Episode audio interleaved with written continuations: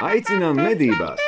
Sarunas par un ap medībām kopā ar Lindu Dombrovskiju un Oskaru Trēliņu. Čau! Garām!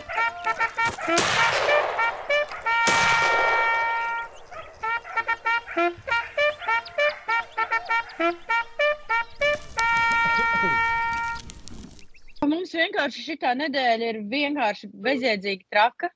Tādēļ atradām šo mazo mirklīti, lai visi satiktos uh, online, Skype versijā, kas mums visiem nepatīk. Bet nu, šonadēļ citas iespējas nebija, jo es otrdien aizbraucu uz Dortmundi, ceturtdien vakarā atbraucu no Dortmundas.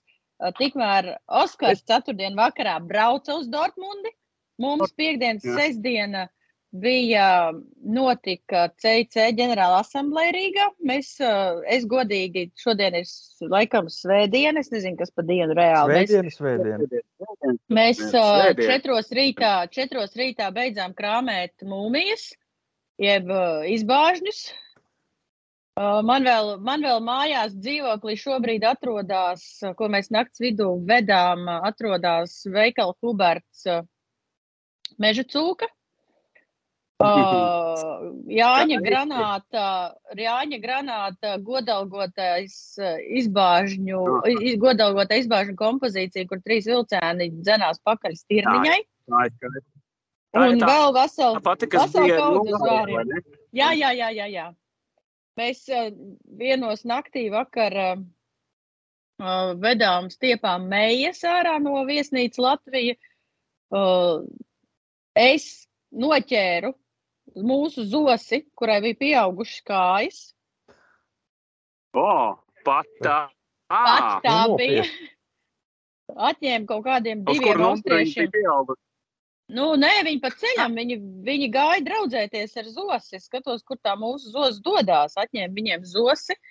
Īsāk sakot, pasākumi tādi, ka šobrīd pēc tās nedēļas un visiem tiem gatavošanās mēnešiem ir tāda sajūta, ka es vispār nesaprotu, kur es esmu, ko es daru un ko man tālāk darīt, jo uh, tas stress ir pārgājis un uh, jāpadomā. Un uh, pats galvenais ir, ka šī epizode notiek mums sadarbībā un ar Medību saimniecības attīstības fonda atbalstu, jo Medību saimniecības attīstības fonda viena no galvenajiem uzdā, uzdevumiem ir uh, mednieku izglītošana. Un tad, nu, mēs arī parunāsim par pašām lietām, kas notika šonadēļ.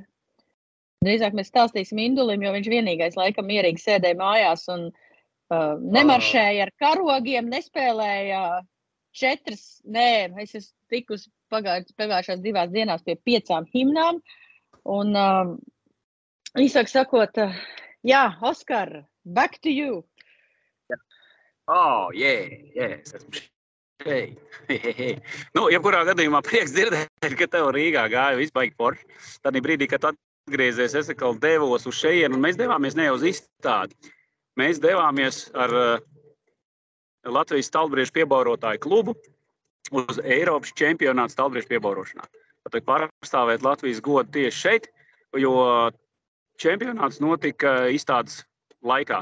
Nu, ne gluži pašas izstādes ietvaros, nu, it kā ietvaros, ja, bet uh, sestdien, tad attiecīgi blakus mājā notika, tika organizēts pasākums.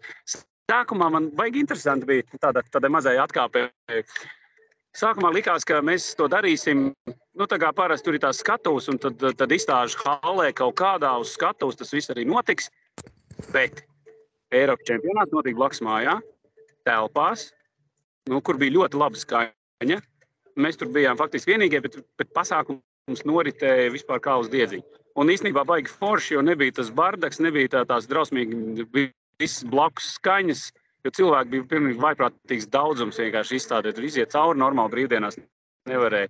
Un te es varu iedomāties, kāda būtu arī tā vērtēšana tajā brīdī, nu, ja būtu tāds bardaks. Savukārt, kas bija interesanti, piekdien, piekdien vāciešiem tieši izstādes laikā uz izstādes skatuves notika nacionālā atlase. Jo Jā, viņi nezināja teica, vēl būs, pirms, pirms kas piedalīsies. Un tikai tādi, jā, bija vācieši, trīs vācieši. Tur bija vienīgais, ko es, protams, pazinu, tas ir Rimo Ortleps.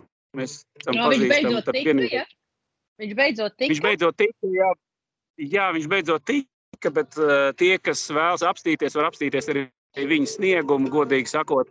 Uh, laikam, kā lai tev pasaka, mūsu komandas, jebkura dalībnieka uh, vissliktākā uzstāšanās laikam bija labāk nekā Imo Ortleta uzstāšanās. Nu, lai viņš man piedod, protams.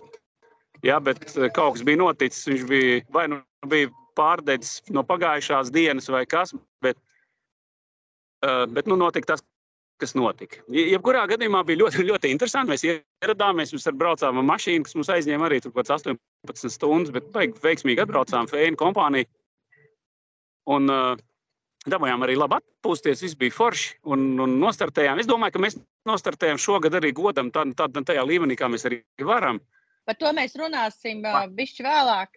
Mums ir 131. Ai, epizode. 131. Tikai ieskrējies. Super. Nu, nu. Un uh, par to, ko vispār Induls pagājušajā nedēļā darīja, mēs pēc pauzītes. Paldies, paldies. Šā garām jaktei būt. Pat vairāk es jau ieskrējos, ieskrējos, Induls varētu pastāstīt, kur viņš bija. Ja mēs ar tevi, Linda, skaidrs, kur mēs esam vai bijām, mēs vēl esam, tu, tu jau biji. Indul, kas tev tur noticis ir? Par ko Linda tik tēlaini tur slepeni izteicāt? es nezinu, ko viņš ir darījis. Es tiešām nezinu, ko viņš ir darījis. À, mēs nezinām, Lindo, ko viņš ir darījis. Jā, jā, jā. jā. Kamēr, kamēr Oskars, kā teikt, klausījās, kā viņa kolēģi, komandas biedri pilda plaušu vingrinājumus un tricina balss saites un trubas, un kamēr Linda maršē ar karogiem un klausās veselu virkni svarīgas mūzikas, tikmēr es klusām un mierīgi devos medībās. Un, kā saka, baudīju vakaru kopā ar, ar odiem mazliet un, un vēroju stirnāžus uz uh, lielas pļavas.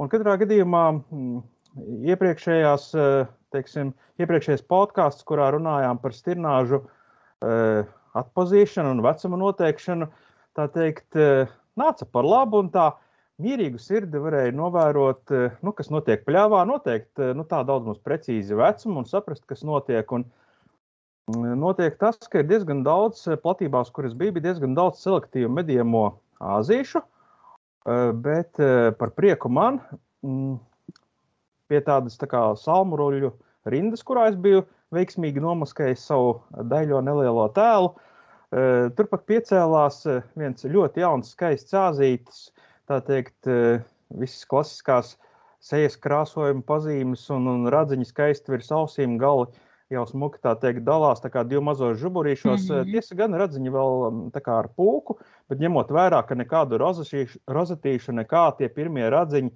viss ir kārtībā un, un šis te tiešām eksemplārs būtu uh, jāaplūko, nu, pēc, teiksim, gadiem pieciem, sešiem, varbūt, ka no viņa tiešām kaut kas arī prātīgs izaugs, bet interesanti ir tas, ka pļavā bija vairāki ļoti dīvaini azīši, Tiesa gan viņi bija pietiekamā attālumā, lai es kā neriskētu raidīt šāvienu. Nu, nebija tādas pārliecības. Un, kā saka, sezona tikko sākusies, viņi tajā pļavā redzēt, ir daudzkārt, viņas varēs eh, nomedīt. Un ar tādiem ļoti interesantiem eh, radziņiem, dīvainiem, ar izliekumiem, tādiem ļoti netipiskiem stirnām. Un eh, kā vēlāk izrādījās, pāris dienas vēlāk, kāds mans medību kolēģis no mūsu medību kluba Vienu no viņiem jau ir nomedījis. Tā pļavā ir vēl viens tāds dīvainītis, kurš jādabū rokā, ir, lai šai pļavā būtu teiksim, tādi nu, smuki, smuki āzīši. Bet kas galvenais, arī ko es sapratu no mūsu iepriekšējā podkāsta, ir jādabū rokā tā kaza. Jā, jāmēģina saprast, kur ir tā kaza, no, kuriem, no kuras šie dīvainīši rodās. Nu, lūk, tā. Tā ka Kamēr jūs eh, pa tādām ļoti publiskām vietām, es tā klusām, mierīgi, medībās, ar baudu. Kaut kā tā. Jā, un es atgādinu to, ka mums šodien epizode sadarbībā ar Medību saimniecības attīstības fondu, kas šogad ir apstiprinājis finansējumu mūsu podkāstam, radot mums iespējas pildīt medību likumā noteikto, ka ar fondu līdzekļiem ir iespējams uh, papildus vairāk visādos interesantos veidos izglītot medniekus. Uh, Šodien mēs ierakstām Skype. Oskars ir no Dortmundas. Es esmu pamodusies pēc vaiprātīga pasākuma. Tikko Induls laikam vienīgais ir normāli izgulējies savā gultā. Protams. Uh, bet uh, mēs Principā- šodien parunāsim. Simpunkti. Jā, mēs šodien parunāsim. Man ir divas tēmas. uh, Bez tā, ka mēs izstāstīsim, kas notika asamblējā, kas tur bija forši un ko, kā gāja mūsu baurotājiem. Mēs vēl izstāstīsim par divām tēmām. Proti, man šodien no rīta Armāns no augšēniem atsūtīja uh, video, kur viņa kolēģis Edijs, kas ir tagad uh, uh, video redzams YouTube kanālā, publicēts svētdien no rīta, kur Džeks sēž medību tornī uz meža cūkām, viņam pienāk lācis reāli burtiski dažu metru attālumā. Un tas ātris nostājās, un var redzēt, ka viņš uz torni, reāli pret torni osta gaisu. Tā kā vēju ķer. Tajā mirklī, kad tas Oh. lācis noķer, kad lācis noķer to vēju, tad uh, pagriežās vienkārši un aizmūk nereālā ātrumā projām, jo uzķēra to cilvēku smaku. Naukšana mums vispār ir uh, vienkārši ir pu- populāri. Tur lāči nāk barotavās, un bija tas gadījums, kur kūtī bija iekļuvuši kašķaini vilki, vilcēni, ko Induls taisīja rakstu.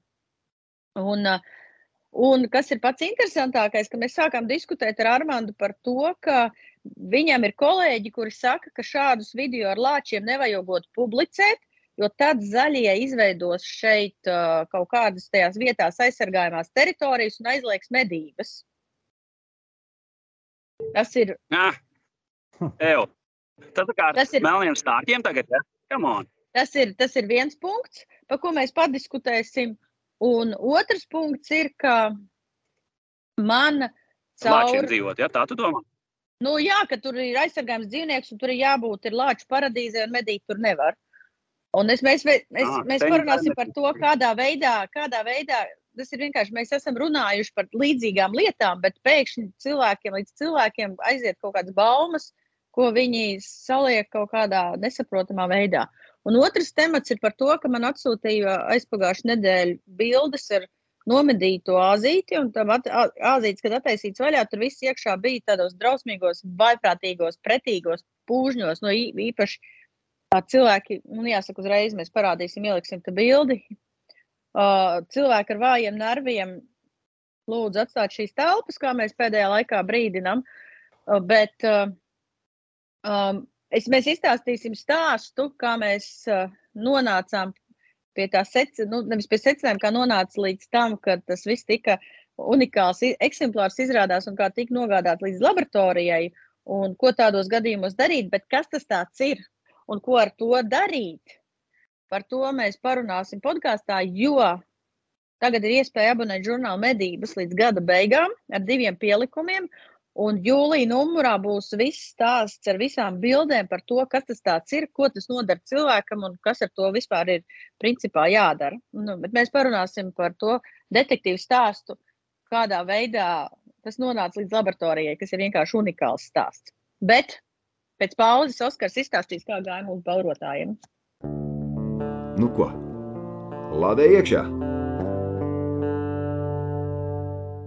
Nu, jāsāk ar to, ka tā tad eh, bija diezgan gara pauze arī Eiropas čempionātam stāvgriežu piebaurošanā. Un, un tas, ka, nu, ka notika šogad un Vācijā, nu, bija forši diezgan. Jā. Tā kā paši organizatori, tie arī iniciētāji un Heiko ar Petru visu mūs sagaidīja. Viņi bija pacentušies godam, godīgi sakot. Nu, šeit viss notika, protams, pēc zināmas vācu precizitātes. Viss bija forši, viss bija precīzi, laikā, punktuāli. Nu, teiksim, nebija nekādas baigās nobīdes. Viss bija sakārtots kā vajag. Un, un, un forši arī tas, ka mums, nu, mēs tā kā saugām to izstādi kopā. Jo, ok, teiksim, atšķirībā no citām valstīm, kur mums notikuši Eiropas čempionāti, tad, tad mums nebija nekādas baigās ekskursijas. Bet, nu, Come on, šeit ir četras halas, kur tu vari brist un skatīties. Nu, respektīvi, izstāde ir tas, tā attrakcija, kas mums te bija. Un īstenībā ar to bija gan baigi forši. Vienkārši dzīvojam šajā vietā, viesnīcas burtiski blakus pārējai pār tiltiņam. Un, es, nu, tādā ziņā bija norganizēts viss diezgan forši un patīkami. Uh, atkal tikšanās kopā visiem bija baigi jauka. Uh, protams, nedaudz apbēdināja esošie notikumi Ukrajinā un to, ka diemžēl, bet Baltkrievijas izlase nebija. Jā, un, nu, attiecīgi, bija lūgums tā, ka, nu, ka viņiem tā kā neatbraukt. Lai vai kā, cik es saprotu, kad arī visā šajā trakumā asociācijas vadība ir aizgājusi prom, cik es zinu, un ir ielikts kaut kāds cilvēks, par ko neviens neko nezina. Ja? Un Haiko arī teica, ka viņš mēģinājis bija sazināties, un ko, un cilvēks vispār neatbild. Un, nu, respektīvi, mēs bijām dikti bēdīgi, ka Baltkrievijas komanda nav, bet tāpat laikā mēs visi sapratām, ka viņi nedrīkst startēt un būt, tāpēc, ka, nu, tāpēc, ka tāpēc. Vajag vienkārši. Vēl viena interesanta lieta, kas nebija bijusi gadiem droši vien, bija disciplīnas. Nu, pārsvarā ir vienmēr jau, nu, kā tu atceries ar Līnu, kad ir standartā vienmēr, vienmēr pilnīgi visos čempionātos ir tātad pieaudzis nobriedzis būs kopā ar, ar savu harēmu, ja, kā viena no disciplīnām. Tā ir tā vienmēr, un, un divu buļļu sarunu vienmēr ir finālā. Bet kas tad bija? Kas tad bija pirmā disciplīna? Tie, kas vakardien, droši vien, ne vakardien, pagājušo nedēļu, jā, tagad, kad skatāties, vēl acīm redzot visu manu streamu, ko es laidu, var, var noskatīties uh, žurnāla medības Facebook lapā. Noteikti noskatieties, jo tur ir pilnīgi viss salikts iekšā. Ja? un pats interesantākais, ka Vācieši bija izdomājuši ielikt jaunu bulli pirmajā disciplīnā. Mums tas eh, radīja tikai prieku. Nu, vismaz mūsu komandai. Un es zinu, ka nu, teiksim, arī Igauni, gan Lietuvieši par to baigi nebēdājās, taču tas reāli sagādāja problēmas. Es sapratu, Rietumē Eiropā, mums Austrumē Eiropā tas viss ir baigi forši patīkams un pazīstams. Visiem rūcējiem, kas taisīja lāčus, ja, tas sagādāja problēmas. Ja domājies, reāli. Bija ļoti labi, protams, daudzi, bet, bet bija tādi, kur reāli nevar uztaisīt jauno. Nezinu, kāpēc viņiem rūcēns nāk ārā. Un mēs nolēmām, attiecīgi komandu vadītājiem, ka un vairākas reizes vēl uzteica, ka, ka tiesnešiem ir jāņem vērā. Respektīvi, tik līdz tu taisi jaunu bulli, un tev izlien ārā rūciens, vai tas vecs bulli, viss tev ir tur divi punkti, nulle. Nedrīkst būt savādāk. Nav nekāds sešnieks vai četrnieks tikai tāpēc, ka rūcis. Nē, tas nav jauns būlis uz redzēšanu. Nu, un īstenībā vēl varbūt tās tādēļ, ka bija forša telpās, tas viss bija, zin, tā kā, tā kā ar koncertu zālē nelielā, nu, nosacīt, ja, ja tādā tas viss pasākums notika uz skatuves. Bija laba akustika, laba skaņa. Nebija lieko trokšņu, nu, tā kā ārā trokšņi vai vējš vai vēl kaut kas. Nu, bļāviens bija baigi forši un vērtēšana uzreiz atšķīrās tiesnešiem. Ja? Tiesneši vērtēja diezgan saprātīgi, diezgan korekti. Un, un tas rezultāts, kāds arī bija, es uzskatu, nu, ļoti objektīvi. Nu, ļoti objektīvi. Nu, ap... Bija, protams, izņēmumi kā parasti. Ja? Ka viens iebāž trīnieku, otrs iebāž sešnieku, nu, tad kas notiek. Bet, bet tur mēs ieraudzījām dažu valstu zināmas manipulācijas, ko varēja just bišķiņ, bišķiņ. Un, un, un, un, Katra, nu, katra, gāja, katra, katra mums gāja uzliek. beigās. Katra mums gāja beigās. Beigās gāja ļoti labi. Beigās gāja ļoti labi. Tad atgādināšu, ka piedalījās tad, tad Mūsu komanda sekojošā sastāvā bija Kaspars Lārmanis, Oskars Kalniņš un Jānis Puriņš. Jā. Jāni, Jānis protams, Puriņš pirmo reizi bija, ja? Pirmo reizi, jā. Nu, viņš Latvijā, protams, ir piedalījies, bet mēs viņu nu, visādi uzturējām, vai, vai, vai kā būs, kā būs. Nu, Jānis izpildīja to, kā, nu, tā kā visi iesācēji. Viss bija tieši tā, lai tā kā notika, tā notika. Jā, jā, bija uztraukums, bija adrenalīns, varēja just rokas drebēja. Un, un bija šis te variants par to, ka, to, ziniet, tā, tā kā līdzīgi tā kā man pirmo reizi arī bija, kad es uzkāpu skatos, es gribēju acīm redzot jau uh, iekšēji ātrāk pazust no tā skatos un ļoti ātri viss izdarīt. Līdz ar to tur dabūju nedaudz sliktāks punkts, bet, uh, bet pieredzi ieguvu milzīgu. Ja? Jānis un Kaspars, Kaspars man par pārsteigumu netika finālā. Pietrūka nedaudz, bet, nu, ok. Un arī kaut kas ar balsi aizgāja, bija viņa cieta un nebija tā kā vajadzētu. Oskars nostartēja savā stilā, mierīgi, viņam kakls sāpēja vienu brīdi, bet, bet mēs izlēmām, vai dari to, dari mierīgi, nepārcenties un tā, stabili. Jauns būs bija izcils. Ļoti labs rezultāts bija. Un, un tad uh, nedaudz viņu pavilku uz leju. Bullijā harēmu, bet mēs tikām finālā. Un diezgan normāli tikām finālā. Nebija tā, ka kaut kur pa, pa, uz beigām 11. vieta, ja? 19 tika uh, finālā. Ja? Un tad iedomājieties, mēs 11. Nu, nekāda vaina. Nekāda vaina. Bet, tas, bet Oskaram jau patiesībā ar to harēmu, tā, tā, tā harēma balss, tā klepošana, viņam jau vienmēr baigi labi sanāk. Viņam tā ir viena no labākajām vispār Eiropā, manuprāt. Tieši tā tas posms. Jā, jā, jā. tas tā bija.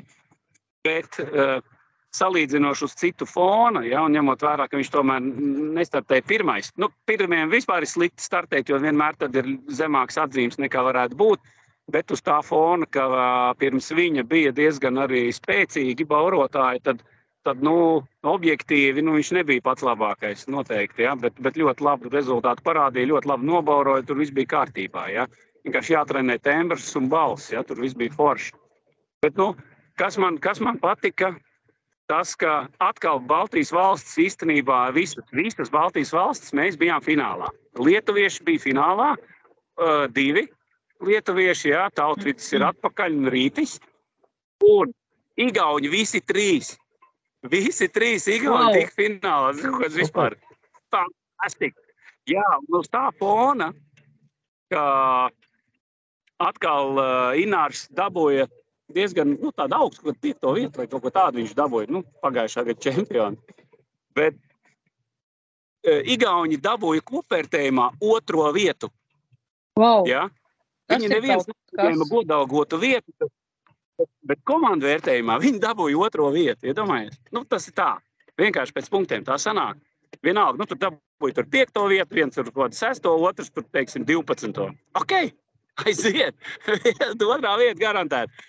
Pirmā vieta nepārprotami bija Čehija. Nu, Čehi bija vienkārši fantastiski. Es šogad, man liekas, esmu kaut kā Čehu fans palicis. Tas ir kaut kāds nenormāls. Tu nespēji iedomāties. Es laikam par šiem čempionātiem godīgi teikšu, es varētu, nu, mēs varētu, protams, tur pastrīdēties, bet vismaz šajā brīdī tas, ko izpildīja tas Čehu čalis, un viņš nebija, man liekas, pagājušo gadu, man jāpastāsta nu, ne pagājušo, pagājušo reizi. Ja nevar jau visu gadus atcerēties, bet es viņu neatceros agrāk. Perfekts izpildījums. Vienkārši perfekts. Tā kā pa diedziņu, tu saproti. Tev ir izstāsts, ir perfekts tembrs. Pilnīgi aizver acis, ja? un klausies, mm -hmm. liekas, ka tu esi reāli nesaproti. Nu, tik perfekti. Un, un kas, kas interesanti, objektīvi, viņš bija vienīgais, kurš saņēma praktiski uh, visus sešiniekus. Ja? Un bija viens piecinieks un visi sešinieki. Linda, iedomājies šādu rezultātu vispār? Tāds rezultāts Kaut, praktiski ne, vispār nav. Nav bijis, jā, bet, bet tas bija objektīvi ļoti labs vērtējums. Un viņš bija, jā, jā, jā. Un viņš vienkārši čaus nolaida. Ok, viņam sanāca grūti, teiksim, netik perfekti bija tie divi buļļi. Nē, nu, viss bija super, jā. Bet, nu, tā kā teiksim, tas eh, būls ar harēnu, tas bija vienkārši kaut kas fantastisks. Jauns būls viņam bija perfekts. Viss bija ļoti labi. Un tad viņam vēl bija pār, pārbļaustīšanās ja, kopā ar poli, ja, kur, kur, kur, kur realitātē izšķīra uh, kaut viens punkts, laikam, ja, atšķirība. Oh, wow. Nevarējām saprast līdz pat pēdējiem brīdim. Ja. Viņi pārbaudījās, bija uzvarētājs sauciens, balss bija nogurusi. Viņam bija tāds noguris uzvarētājs sauciens. Bija. Bet, jebkurā gadījumā, arī mēs pēc tam analizējām, un Haiko pēc tam uh, vakariņās, arī pie, pie uzvarētāja apsveikšanas, runājām, kā, nu, šī gada sacensības bija tādas, kur visi bija ļoti labi, jo izšķīra punkts, viens, divi punkti mums nu, gāja vienkārši šādā līmenī pa augšu. Ja? Otro vietu, protams, dabūja poļi, arī nu, perfekti. perfekti ja, bija, un uh, trešajā vietā francūzi. Ja? Nu, kā Virgīlijs. Tas dabūja trešo vietu. Tā kā īstenībā ļoti interesanti bija atkal superīga atkal tikšanās, kā parasti jau atceries. Nu, mums jau visas tās sirsnīgas tikšanās ir vienmēr, un te jau bija vakarēšana. À, un vēl bija interesanta lieta, kas vēl līdz šim nebija bijis. À, balvas, jā, Linda. Zini, kā bija jā. mums šogad? Nu, nu, nu. Jauna, jauna interesanta tradīcija. Es ceru, ka citas valsts arī to pārņems. Respektīvi, nu, ņemot vērā, ka tomēr mēs esam zem izstādes un šeit ir Vācija un ir interesants zīmoli, ja, tad mums šeit bija interesants arī balvas. Ja. Balvas bija no ceļa, ceļa optika varēja dabūt, uh, zauer nažus, tur viss kaut kādas lietiņas, ja, un viena galvenā balva bija uh, medības 3000 eiro vērtībā. Ja. Un kas man, kas man visvairāk patika, ka tas nebija tā, ka pirmai vietai tas, otrai vietai šis. Tur bija tā liels galds, uz kura ir saliktas balvas. Un tad ir tā, ka vienkārši prioritārā secībā. Tev ir pirmā vieta, un mēs jau zinājām, kas ir pirmajā vietā, vakarā jau. Ja? Pirmā mm -hmm. vieta vienkārši nāk pie galda, un viņai prioritāri viņš izvēlās, ko viņš grib. Mm. Ot, kuru balvu grib. Čeks, protams, ka izvēlējās uh, nu, dāvanu karti 3000 eiro vērtībā uh, medībām. Ja, Vācijā. Nu, medību Nē, nu, tūri, protams, runājot. Nē, nu, tā pat laikā varēja dabūt, piemēram, Hornadī munīciju 5, 500 eiro vērtībā, piemēram. Ja? Vienkārši sapērties par pieciem soķiem sev Hornadī. Ja? Kā viņi to, protams, īstenos, es nezinu, ja? varbūt caur dīleriem vai kā, bet, nu, jebkurā gadījumā tāda opcija bija. Ja tur zāle ir naži, bija šlipses, bija vēl kaut kas tāds. Nu, principā bija diezgan, diezgan daudz visādi interesantu lietu. Un, un tas bija interesanti. Starp citu, arī nedaudz runājot par šo lietu, skrienot bišķi uz priekšu, gribu pateikt, jā, ka Minhausenā, protams, atkal tiksimies Minhausenā un būs uh, Latvijas čempionāts stāvbriežu piebaurošanā, kur visus aktīvi jau sāk iesaikt, sāk gatavoties. Ja? Es izsludināšu to Latvijas čempionātu Minhausenā. Es domāju, ka es to darīšu arī drīz. Mēs gribētu jau sākt vākt cilvēkus, lai, lai jau sāk gatavoties. Ja? Mēs padomāsim, kādā veidā to darīt. Un droši vien tad arī no asociācijas būs lūgums tiem, kas pieteiksies Mīnhausenā, pamēģināt vismaz kaut vienu cilvēku nu, izvirzīt. Ja nē, nu, es saprotu, ka, ja būs man 70 cilvēki, kas kaut ko gribēs baurot, nu, tas sacensības var ievilkties. Bet, ja man būs kaut vai viens cilvēks no trīs kolektīviem, kas piedalīsies Mīnhausenā, es būšu priecīgs. Ja? Nu, kaut kā tā. Mēģināsim arī, protams, sagādāt kuplu balvu fondu, tā kā tas ir līdz šim arī bijis. Un arī es gribu pateikt, iedrošinot vismaz jaunos, kas vēl domā, ja, ka noteikti uh, mēs arī rīkosimies tā, kā nu, līdzīgi varbūt nebūs kā, kā galds kā Vācijā, bet mēs darīsim savādāk.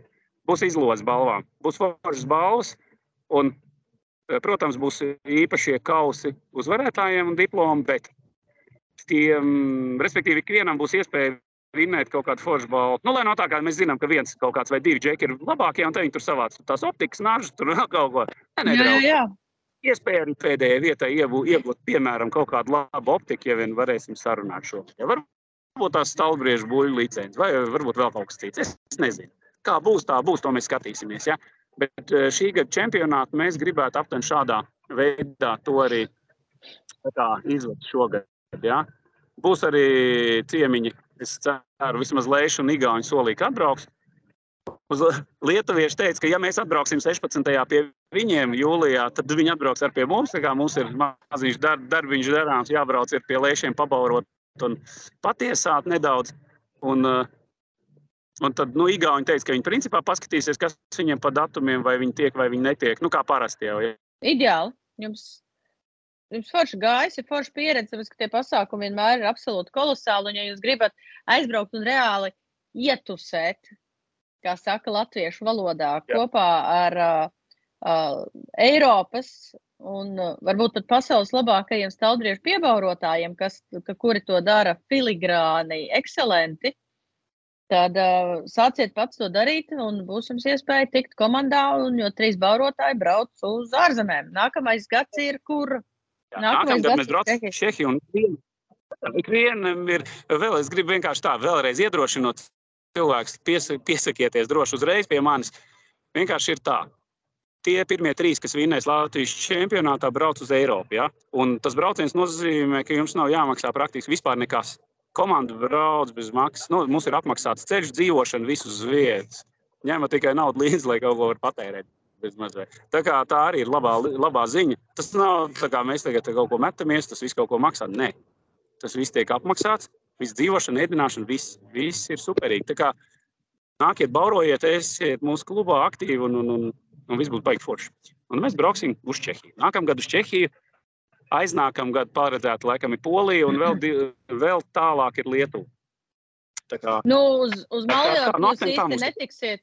Uz Maljorku jūs īsti netiksiet, bet izbaudīt uh, centrālu Rietumu Eiropas medību tradīcijas uh, visdažādākos veidos, to ir iespējams izbaudīt tieši šajos pasākumos un saprast, kā tas un citur viss notiek. Ar visiem tērpiem un cepurēm un mūziku un vispārējo. Nu ko, pārlādējam! Es gribu, es gribu fiks izstāstīt, ko mēs darījām un kāpēc mums tas ir tik šausmīgi nozīmīgi. Tāpēc, ka CIC mēs pārsvarā zinām, kā organizāciju, kas ir izstrādājusi jau labu laiku atpakaļ metodiku, lai vērtētu visdažādākās trofejas, Eiropas trofejas lielākoties.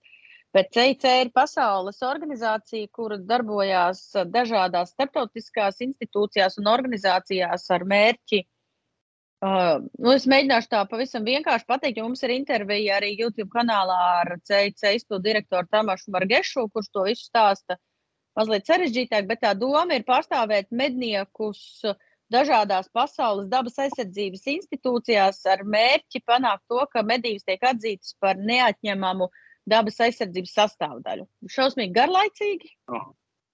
bet uh, tas mērķis bet tas ir ļoti cels. Nē, tas ir ļoti svarīgi īstenībā. Tas jā, ir, jā, tas ir garlaicīgi, bet svarīgi. Man, man bišķiņ gan mulsina, ka viņi pārāk lielu, manuprāt, uzsvaru liek tieši uz to dabas aizsardzību, jo tad man liekas, ka kaut kādi tie paši vēži tajā pašā maisiņā, ja arī saka dabas aizsardzība, tad cilvēki ierauga medības un īsti nesaprot, kā tas var būt, jo man liekas, bišķiņ viņu skaidrojumā iztrūkst tā saiknes starp dabas aizsardzību un medībām, bet labi, tas nav, tas nav būtiski. Būtiski tas, ka reizi gadā visdažādākās pasaules valstīs notiek šīs organizācijas, kuras biedru sastāvā ir 80 dažādas valstis, ja ne vairāk, ģenerāla asamblēja. Tas nozīmē to, ka vienu dienu sanāk visi kopā biedri un lemj un balso par statūtiem, pieņem, pieņem finanšu atskaites un vēl visu kaut ko tādu neinteresantu, bet Cit, pārējās dienas, parasti divas, trīs. Šajā gadījumā Rīgā, Latvijā tas notiek vienu dienu, notiek konferences, kurā, uz kur tiek uzaicināti dažādi eksperti dažādās jomās, un mēs un diskutē un stāsta par savu pieredzi un par savu, uh, savu darbu šajā jomā. Tas ir uh, šādos pasākumos svarīgākais ir.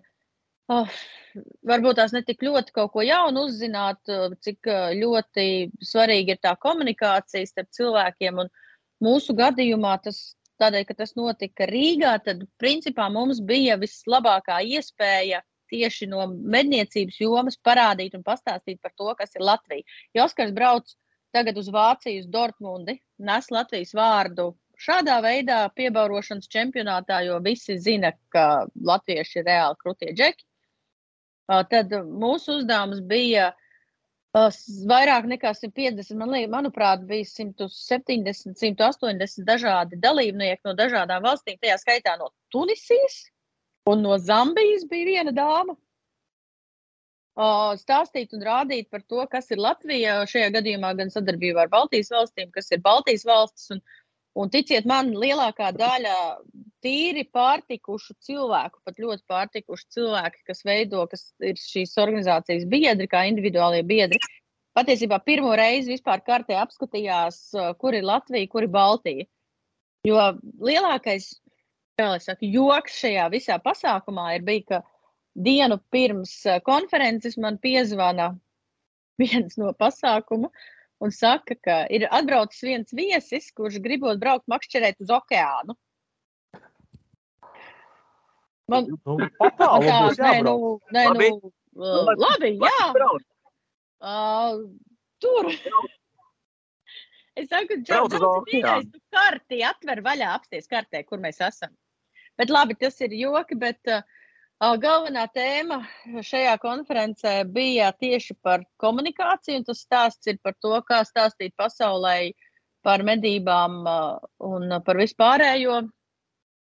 Man gan personīgi, man personīgi, uh, lai gan tas viss ir online un tiek publicēts, bet nu, pat tik un tā ļoti diezgan mednieciski šaurā vidē, man tas drīzāk vairāk atgādina tādu, ka atbrauc, uh, atbrauc džeki un džekenis, uh, sanāk vienā zālē un uh, runā savas domas un idejas, kuras, protams, ir ļoti svarīgas, bet tas viss ir tā, lai nonāktu vidē, kur kur tev apkārt ir cilvēki, kas apstiprina tavu viedokli. Jo tas viss, kas, ko stāstīja un ko rādīja, un visi piemēri, un filmas, un pētījumi, viss tas pārējais, tas būtu jāstāsta nevis medniekiem, bet plašākai sabiedrībai. Bet ko es gribu teikt, ka, ka nu, svarīgākais ir tas, ko tu pats dari ar to informāciju. Nu, man, man, mums tagad ir pietiekami daudz informācijas arī no šī pasākuma, kuru mēs varam izmantot plašākai sabiedrībai, komunicējot ar plašāku sabiedrību un stāstot par to, kas ir medības. Oh, bet ko es gribu pateikt? Mums bija divas dienas, mēs esam noskrējušies. Mums bija fenomenālākās dekorācijas. Gan uz galdiem, gan bija meža stūrītis uztaisīts ar mūsu faunas pārstāvjiem. Un tagad noteikti būs tas mirklis, kad es pateikšu vismilzīgāko paldies visiem mūsu palīdzētājiem. Un tas ir, sāksim ar visiem maniem draugiem, kas tika iesaistīti pilnībā. No sākuma Oskars tika iesaistīts, kas da, mēs darbojāmies aktīvāk 20. gadā, bet tad to visu atcēla. Uh, mums iesaistījās dāmas mednieku klubs ar uh, Antru, un Katju un Emīliju priekšgalā. Tad bija fenomenālākais džeks, vienkārši cepurnos Sandijam Granbergam, kuru mēs visi pazīstam no video, bet izrādās, ka Viņš ir vislielākais palīgs, kādu vispār jūs varat uh, sagaidīt. Atrisinās, radīs risinājumu visām problēmām. Vienkārši nu, tā, ka vajag, vai būs tulītās gatavs. Un uh, Latvijas valsts meži mums sagādāja mējas, lai mēs varētu uztaisīt uh, mežu. Uh, Latvijas safārī klubs uh, mums gādāja izvāžņus no savas kolekcijas. Jānis Granāts, taksidermists, mums gādāja ekspozīcijas uh, nu, kas ir godalgots Eiropas čempionātos. Uh, Dekatlons mums deva maisiņus bez maksas dāvanām. Uh, Latvijas mednieku asociācija bija tam visam pamatā, iesaistījās uh, Igaunijas mednieku savienība, kura sadarbībā ar Latvijas mednieku savienību uzstādīja ekspozīciju ar visiem standiem, uh, kur tika izrādītas labākās Baltijas valstu trofejas. Mums, man bija iespēja pieiet klāt un apskatīt uh, brieža ragus, kas ir nomedīti 1968. gadā. Un ir paši labākie Latvijas, no, Latvijā nomedītie stāvbrieža ragi. Mums ir uztaisījām tiešraidi, kas ir dalībniekiem gan pa maksu, tāpēc, ka tas ir ekskluzīvi tieši mūsu dalībniekiem, ir tiešraide numur 18 pieejama, kur uh, mūsu arī lielākais palīgs no Dekatlona, Raivo Strēlis, stāstīja, nu, cik tur katrs, kurā vietā tie punkti, no kuriem tie punkti var sākt nākt. Patiesībā šausmīgi interesanti. Vienkārši interesanti. Oh, es vēl, ko es vēl aizmirsu, Purnā mūža gādāja iespēju viņiem aizbraukt uz veikalu, mazliet iepirkties uh, Latvijā mednieku veikalā. Uh, Dīļā Gatis Panaus mums veda trofejas no, no, no ķēguma, no Jāņa granāta. Īsāk sakot, iesaistīti bija visi. Un visizcilākais, vispār, ko mēs vispār izcilākais, ko izdarīja, bija Antra Pelca, kura uh, savā prātā izdomāja tās fantastiskās dekorācijas. Beig beigās, uh, noslēguma vakariņās uz galdiem mēs uztaisījām dekorācijas, kas uh, reprezentēja kā, daļiņu no Latvijas dabas. Mēs paņēmām uz galda, kā dekorāciju uzlikām kā purvu.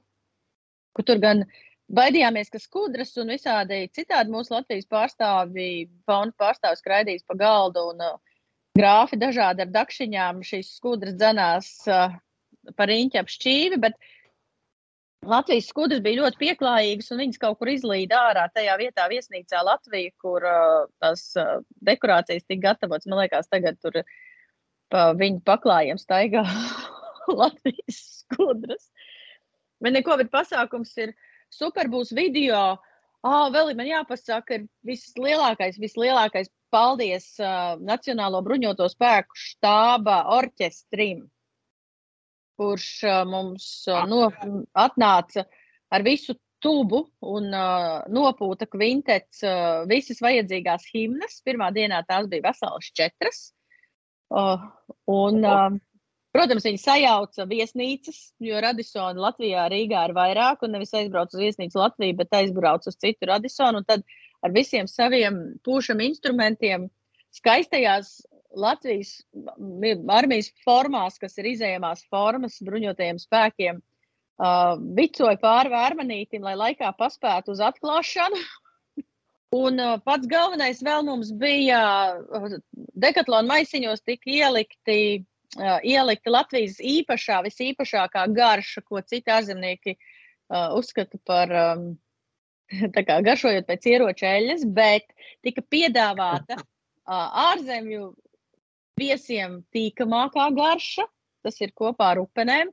Proti, Latvijas balzāms uh, mums dāsni atvēlēja uh, daudz mazu pudelīšu ar Latvijas garšu, ko mūsu cienījamie viesi varēja nobaudīt. Tā kā pasākums, es domāju, ir izdevies. Bija šausmīgi daudz, šausmīgi daudz labu atsauksmju. Man bija viens, uh, viens Visiem patīk mana runa, jo es gribēju pastāstīt mazliet ar humoru par to, kas ir Latvija un kā, un kā mēs šeit dzīvojam. Visiem patika. Un, kā es saku, daudz informācijas. Tur bija viens pētījums, par ko, par ko runāja, par to, ka Francijā viņi medīja cīruļus. Viņi viņus dur uz iesmu un ēd.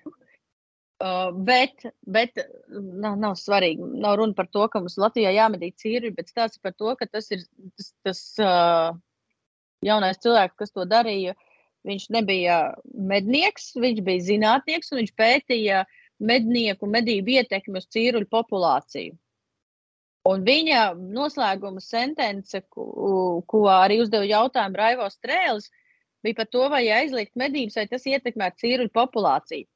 Un tas zinātnieks teica, ka tā būtu katastrofa, jo aizliedzot medības cīruļu populācija strauji samazinātos tā iemesla dēļ, ka šobrīd Francijas mednieki atjauno un uztur šiem putniem nepieciešamos biotopus, jo lauksaimniecībā šiem putnu populācijai ir vislielākais biets, un tādēļ mednieki veido tādus kā speciālus uh, vietas, kur šiem putniem liksdot un uzturēties.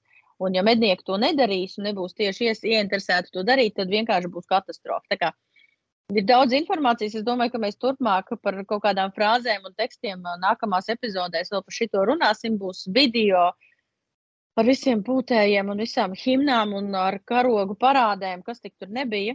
Bet uh, iespēju ir šausmīgi daudz, un es esmu godīgi laimīga, ka tas viss ir beidzies. Nu, mums solīja, ka varbūt pēc desmit gadiem uh, viņi atgriezīsies. Kaut gan Haralds Barviks, kurš uh, arī visu mūs atbalstīja un darbojās līdzi, uh, teica, ka nu, tā ir tā iespēja reizi 80 gados pie tādas privilēģijas tikt. Ok, skaisti klausies, jums tur diezgan forši gāja. Lieliski. Es domāju, ka laiks pauzē maziņai. Tad mēs esam daudz runājuši. Un par pārējām interesantām lietām tad pēc pauzītes. Šā garām jaktei būt. Viedoklis medniekiem ir tāpēc, ka, ja publicēs video, un arī tāds viedoklis ir Lietuvā, ja mēs publicēsim video ar lāčiem un vilkiem lūšiem, tad uh, vilkiem ne tik ļoti, bet tieši lāčiem tagad lūši, kas ir aizsargājami, uh, ka tas uh, varētu būt iemesls tam, ka tiek aizliegtas medības konkrētās platībās, lai šīs platības uztaisītu par tādu tā kā oāzi vai paradīzi lāčiem. No kurienes jums ir nojausma, no kurienes šī tāds viedoklis? Nav ne mazākās nojausmas. Nav ne mazākās nojausmas, jā. Kas, kas tāds vispār, kāpēc vispār šādi? Respektīvi, manuprāt, ir baigi nepareizi šādi domāt, tā ir vienvirziena domāšana. Jo skaidrs, ka jebkur, jebkuras informācijas iemešana kaut kādā informatīvā telpā rada zināmas kaut kādas noteiktas sekas. Ja? Jautājums tikai tā, kādā veidā mēs šo informāciju pasniedzam. Ja? Mūsu brīdī, mūsu gadījumā, man liekas, mēs viņu pasniedzam tā, Nu, pirmkārt, mums ir jāinformē cilvēki, un tas ir pirmkārt interesanti. Tas ir jāzina. Nu, mēs taču nevaram gulēt, dzīvot un, un neievērot lietas, kas mums ir apkārt baidoties, ka kāds kaut ko var atkal aizliegt. Es saprotu, ka mhm. teiksim, tā bažas nāk no tā, ka nu, līdzīgi kā ar melniem stārķiem, nedod Dievs, tev ir līgsts šeit, un tad tev uztais mikro liegumu. Tur neko vispār nevar darīt. Ja? Ne, ne, ne, ne mežu izcirst, ne, ne, ne medīt, ne staigāt, ne, ne sēnes lasīt. Tur ārpus nu, melnais stārķis ir nu, tik drausmīgi apdraudēts, nabadzīgs, ka viņam tur, nezinu, jāklāj ar paladziņš. Ja? Tāpat laikā mēs zinām, ka vispār nekas netraucē. Medības nenotiek tajā laikā, kad viņiem ir, ka viņi ir līgzdās un tā tālāk. Nu, ir kaut kādas lietas, kas, kas ir jāsaprot, kā dabā process notiek. Īpaši, kad ir dzinēji medības ziemā, ja? kur ir stārķi. Viņi sēž, un mēs traucējam stārķiem, kā lai saka, vairoties. Pie- Pirmie ir novērojumi, kad uh, vai nu mazais ērglis vai stārķis ir Ligzdā atgriezies jau janvāra beigās, saproti? Ā, nabadzīgi. Jā. Un te jau nu, viņam vispār nevajag nu, viņu traucēt. Ne. Dabā dzīvnieki, nu, viņi tā nav tādi vārguļi, ka viņi tur kaut ko nevar izdarīt. Visi ir sen jau pieraduši pie visi. Ja? Brauc traktori, brauc, mašīnas brauc. Uh, uh, es nezinu, nu, tur motoru skaņas un tā tālāk, pilsētas skaņas. Tas viss ir. Neaizmirstam arī, ka dzīvnieks pierod pie visa. Mēs zinām, kā strādā šīs meža cūku atbaidīšanas lielgabali. Ja? Mm -hmm. gāzes. Mm -hmm. Nekā. Vienkārši ir viens brīdis, ok, pirmajā mirklī, jā, pēc tam viņi pierod, saprot, ka ar zināmu frekvenci tas viss notiek. Viņi nāk un nē, tās kartupeļas vienkārši kā, kā, kā, kā, grib, kā grab vien. Ja? Respektīvi, dzīvnieks pierod pie visa, viņi saprot, ok, nu, protams, tas pirmais ir tāds šausmīgais, briesmīgais.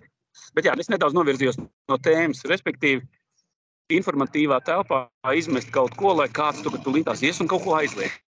Nu, Es manuprāt, ka nav jau tāda opcija. Tā, man tur sākās kaut kāda. Labi, ok. Dārgie draugi, man diemžēl ir jāatvadās. Man te sācies, sākusies ir kaut kāds trakums ar motoru zāģiem. Cilvēki daudz, viss paliek skaļāks.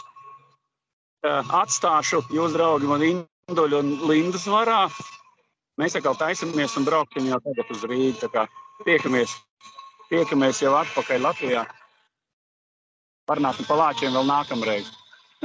Davai, čau, Oskar! Davai, čau!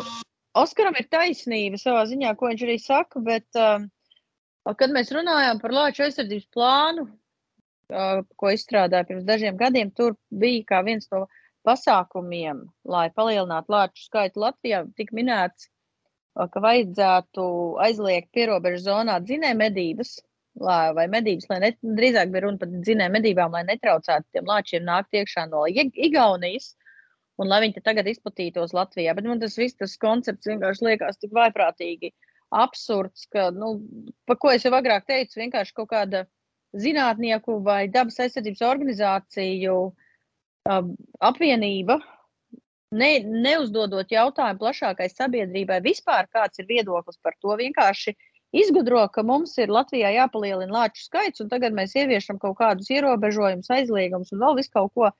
Nu, neieviešam, bet plānojam ieviest, vai teorētiski runājam par to ieviešanu, lai palielinātu lāču skaitu. Bet, uh, tādēļ jau mēs arī tik daudz gribam šos video publicēt un arī publicējam, uh, lai šie paši zinātnieki vai dabas aizsardzības, nu ne tik ļoti zinātnieki, tā nav viņa interese, bet uh, tieši dabas aizsardzības organizācijas nevarētu tagad stāstīt, ka mums ir jāpalielina lāču skaits. un Mums tāpat tas lāču skaits jebkurā gadījumā palielinās. Un, un, un mēs jau pagā, mēs kaut kad pagājušajā gadā, ne šo, šo pavasaru, mēs runājām par to, ka bija iesniegts uh, priekšlikums medību noteikumos par to, ka vajadzētu aizliegt dzinēju medības, kas nāca no kaut kādas Latvijas ainavas, no kaut kādas organizācijas, kas vienkārši nekompetenti un pilnīgi nefiltrējot, ko runā, pateica, ka tā dzinēja medību praksa, kāda ir Latvijā, nekur pasaulē nenotiek, kas ir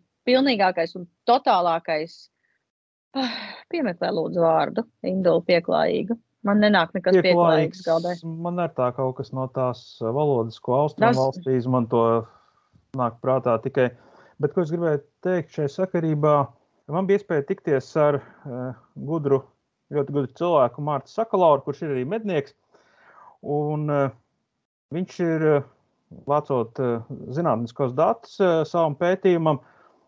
Viņš ir nonācis pie tādas atziņas, ka mirušā koksne, ja mežā ir ļoti daudz, tas finālā nenes nekādu labu biolo, labumu bioloģiskajai daudzveidībai. Un tāpat tās ir arī ar melno stārķi. Piemēram, ja stārķis dzīvo kaut kādā vienā hektārā, piemēram, tad uztaisot apkārt desmit hektāru lielu eh, šo te aizsargājamo teritoriju, tur nedzīvos desmit melnie stārķi. Un te ir paralēls ar to lāci, kad uh, veidot kaut kādas ierobežojumus, pilnīgi noteikti nebūs tā, ka to lāču kļūs mega daudz, jo šī te teritorijas ietilpība, eh, es domāju, populācija ietilpības ziņā, tātad cik eh, individu no konkrētas populācijas var dzīvot konkrētā teritorijā, kas, piemēram, ir Latvija. Tā nav atkarīga no tā, no mūsu vēlmes izveidot šīs te aizsargājumās teritorijas un nu, tagad cerēt, ka tas lācis tur smuki ar medus podziņu zem eglītes sēdēs un laimīgi dzīvos un stāstīs maziem lācēniem pasakas. Nē, konkrētā teritorija var uzturēt konkrētu daudzumu lāču. Un tā nav atkarīga no mūsu vēlmes kaut ko sargāt, rādīt, nerādīt. Bet es arī gribu piekrist Oskaram, ka te, šāda te ziņu apzināta slēpšana vai nerādīšana, es tā kā strauss iebāza galvu smiltīs un izlikās, ka problēmas nav. Jo lāču mežā kļūst ar vien vairāk, ar katru gadu vairāk. Un tā ir realitāte, ar ko cilvēkiem ir, jā, būs jāsastopās un jau ir jāsastopās. Un arī Mārcis mūsu tikšanās reizē minēja, ka pavisam netālu, kādu metru 500 no tās vietas, kur mēs atstājam automašīnas, ir saticies ar, ar, ar lāci.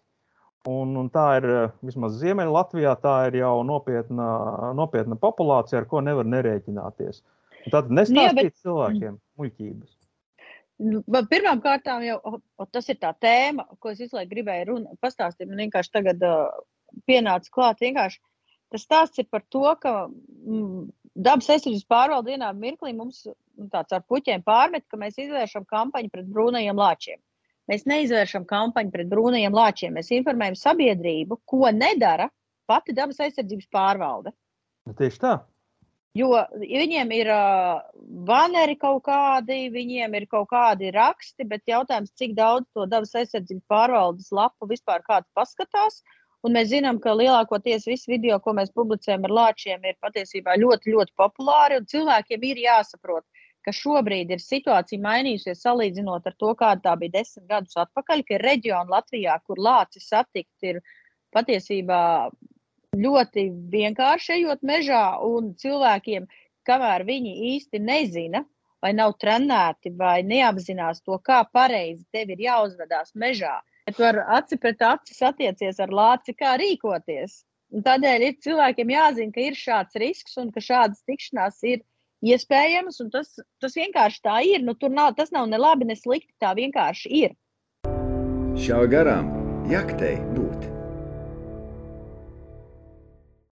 Nu, jā, Bet... lācis vienkārši ir kļūst par mūsu dabas realitāti, un ar vienkārši ar viņu ir jāsadzīvo.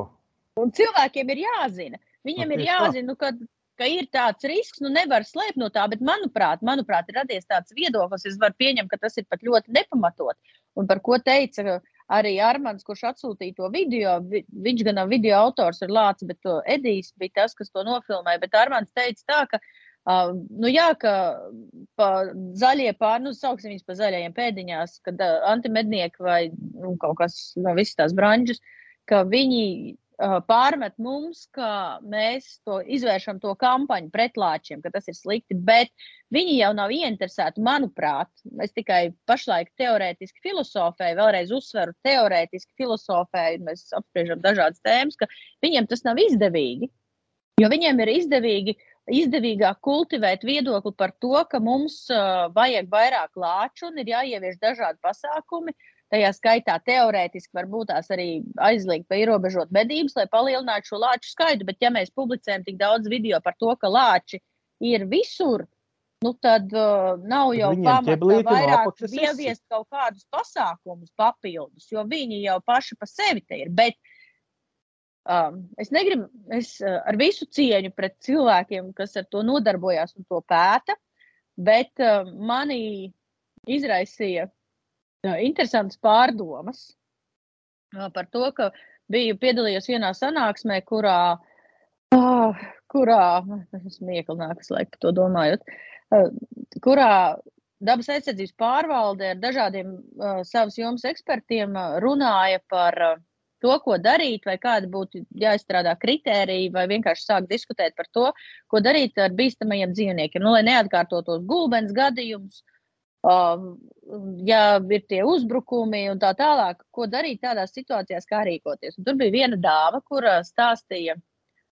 Uh, par projektu, ka viņi tagad ar, varētu taisīt speciālu inspekciju, kur ar uh, saņemtu inspektori uh, ieroču nesāšanas atļaujas. Jūs saprotat, ko tas nozīmē? Saņemt ieroču nesāšanas atļaujas un tagad staigāt pa mežiem un kārtot attiecības ar lāčiem. Es tagad bišķiņi mazliet ar sarkasmu runāju, cilvēku ar vājiem nerviem lūdzu atstājiet šīs telpas, bet tagad pirmām kārtām šis cilvēks, kas uh, bija paudis šādu viedokli, viņš pat nav iepazinies ar ieroču aprits kārtību Latvijā. Un, uh, Tas ir numur viens, un viņi pauž viedokli, ka tagad cilvēki ar uh, uh, saņems, viņiem tiks piešķirts ieroču nesēšanas atļaujas. Ko tas nozīmē Indulu? Tas nozīmē, ka viņam visticamāk tiks iedots maz, maza, kā tautā saka, pukalka, un viņš mēģinās ar šo te pukalku stāties pretī lācim. Atvainojos, profesionāls mednieks, pieredzējis mednieks uz lāci neiet pirmkārt viens, Viņš iet kopā ar pavadoni. Otrkārt, viņiem abiem nu, kā kuru reizi. Nu, labi, labi, bet principiāli, ideālā situācijā viņi iet kopā ar pavadoni, un abiem diviem līdzi ir nevis mazs, kā tautā saka, pišķiks, bet viņiem abiem diviem ir kārtīgi lielgabali, ar kuriem ir jāmāk jums... apieties. Un es gribu pievērst jūsu uzmanību tam, ka pistole, par kuru, kurai izsniedz nesāšanas atļauju, atļauju. nevis medību ierocim, bet pistolē izsniedz eh, nesāšanas atļauju.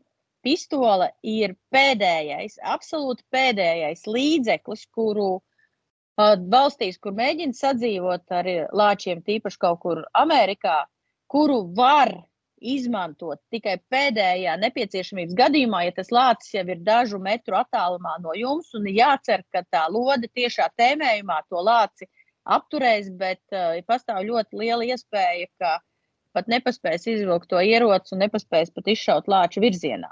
Tieši tā, lācis tā kā, būs jau tā kā, cieši blakus, es... kamēr tu dabūsi pistoli ārā no maksts vai ietvara, kā nu kurā tur gadījumā. Bet, bet mans, man, mans stāsts ir par to, ka dabas aizsargi, visu cieņu dabas aizsargiem, vispār nekādu pretenziju, viņiem ir sava joma, kurā darboties mēģina ar savām, saviem priekšlikumiem iebraukt lauciņā, kuru viņi ne tikai nav gatavi izpētīt no A līdz Z, lai vispār saprastu, par ko ir runa, bet viņi pat nepiesaista medniekus, kuri varētu izskaidrot, ar kādiem ieročiem, kādiem kalibriem un vispār ar ko varētu visefektīvāk to lāci nogalināt nepieciešamības gadījumā. Bet viņi vispār šo sanāksmes bija sākuši vispār bez medniekiem. Un tikai pateicoties, manuprāt, Zemkopības ministrijas vēstulē un iniciatīvai, uh, ielūgums tika uz, izsūtīts medniekiem. Nu, notiekošais, un... Linda, man šķiet, ka um, vispār bez kādas sagatavošanās, bez nojēgas par to, kas ir lācis, Un galu galā, ja mēs viņu sargājam, tad kāpēc sākam uzreiz ar to, ka tagad ir jānogalina? Tad darām visu, lai šis dzīvnieks nav jānogalina. Pie tam ar līdzekļiem, ar ko to nevar izdarīt, ar ko var tikai sakaitināt radīt. lāci un radīt situāciju, ka tas lācis vēsā mierā, aizsargājot sevi, nogalina to cilvēku, Inspektoru. kurš gribēja sargāt lāci. Nu, jā, un, un, un tajā pašā sanāksmē uh, bija vārds, tika dots arī Vilnim Skujam, kurš ir mums uh, cienījams zoologs. Un kurš savā runā tekstu sāk ar to, ka mednieki gaida to dienu, to iespēju šausmīgi grib, ka varēs medīt lāčus, un tas ir visur redzams un visur skaidri saprotams. Es sanāksmē pateicu, nepārprotiet mani nepareizi, ja mums būtu kādreiz kaut kāda atļauts lāču medības tādā veidā un apmērā, kāds tas ir Igaunijā, uz priekšu superīgi, nekādu pretenziju, bet tām ir jābūt īstām medībām, tādā veidā, kā tas notiek ar vilku medības, lāču medības Igaunijā. Nu, tām ir jābūt medībām, nevis kaut kādai kontrolai. Un, uh, es pati nedzirdēju, ka Jānis Baumans šo frāzi teica, bet man to atstāstīja, ka, ka tā doma ir tāda, ka mednieki nebūs uh, slepkavas, kuri vajadzības gadījumā ies un vienkārši nošaus lāci tā kā gulbenē, tāpēc ka kāds ar to lāci netiek galā. Tas nav mūsu uzdevums. Tieši tā, Linda, arī... mēs medījam, nevis nogalinam. Un tā ir milzīga atšķirība. Un es to arī uzsvēru tajā sanāksmē. Es teicu, ka mēs to nu, nu, ņematies paši ar saviem lāčiem. Mums tie lāči nav vajadzīgi. Tā nav mūsu atbildība. Jūs gribējāt, lai to lāču skaits pieaug, jūs uzrakstījāt aizsardzības plānu. Aizsardzības plāna izstrādē mednieki piedalījās, bet medniekiem kā loma lāča aizsardzības plānā praktiski vispār netika piešķirta. Un, un tagad te runāt, ka mēs kaut ko gribam, nu nav tā mūsu problēma. Mēs taisām fantastiskus video un publicējam šos unikālos kadrus sabiedrībai un esam gatavi to sabiedrību informēt. Mums pret lāčiem vai lāči dzīvo, un ja kāds vispār zinās, ko mežā ar to lāci darīt, tad tas visticamāk ir mednieks.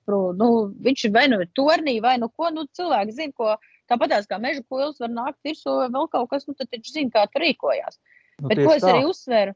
Es uzsveru to, ka tā vietā, lai domātu par kaut kādiem multimiljonu projektiem attiecībā uz mistiskām inspekcijām ar nesāšanas atļaujām, ieroču nesāšanas atļaujām, tā vietā labāk būtu dabas aizsardzības primārais, primārais uzdevums. Šobrīd būtu izvērst ļoti plašu, interesantu un saistošu kampaņu, informatīvo kampaņu, nevis vienkārši ar kaut kādu infografiku, kas arī ir svarīga, bet daudz plašākā apmērā tieši sezonā, kad cilvēki tagad, sākot ar martu, mums bija jāstāsta par to, kas notiek mežā, izvērst informatīvu kampaņu sabiedrībai, kā arī rīkot speciālus apmācības kursus.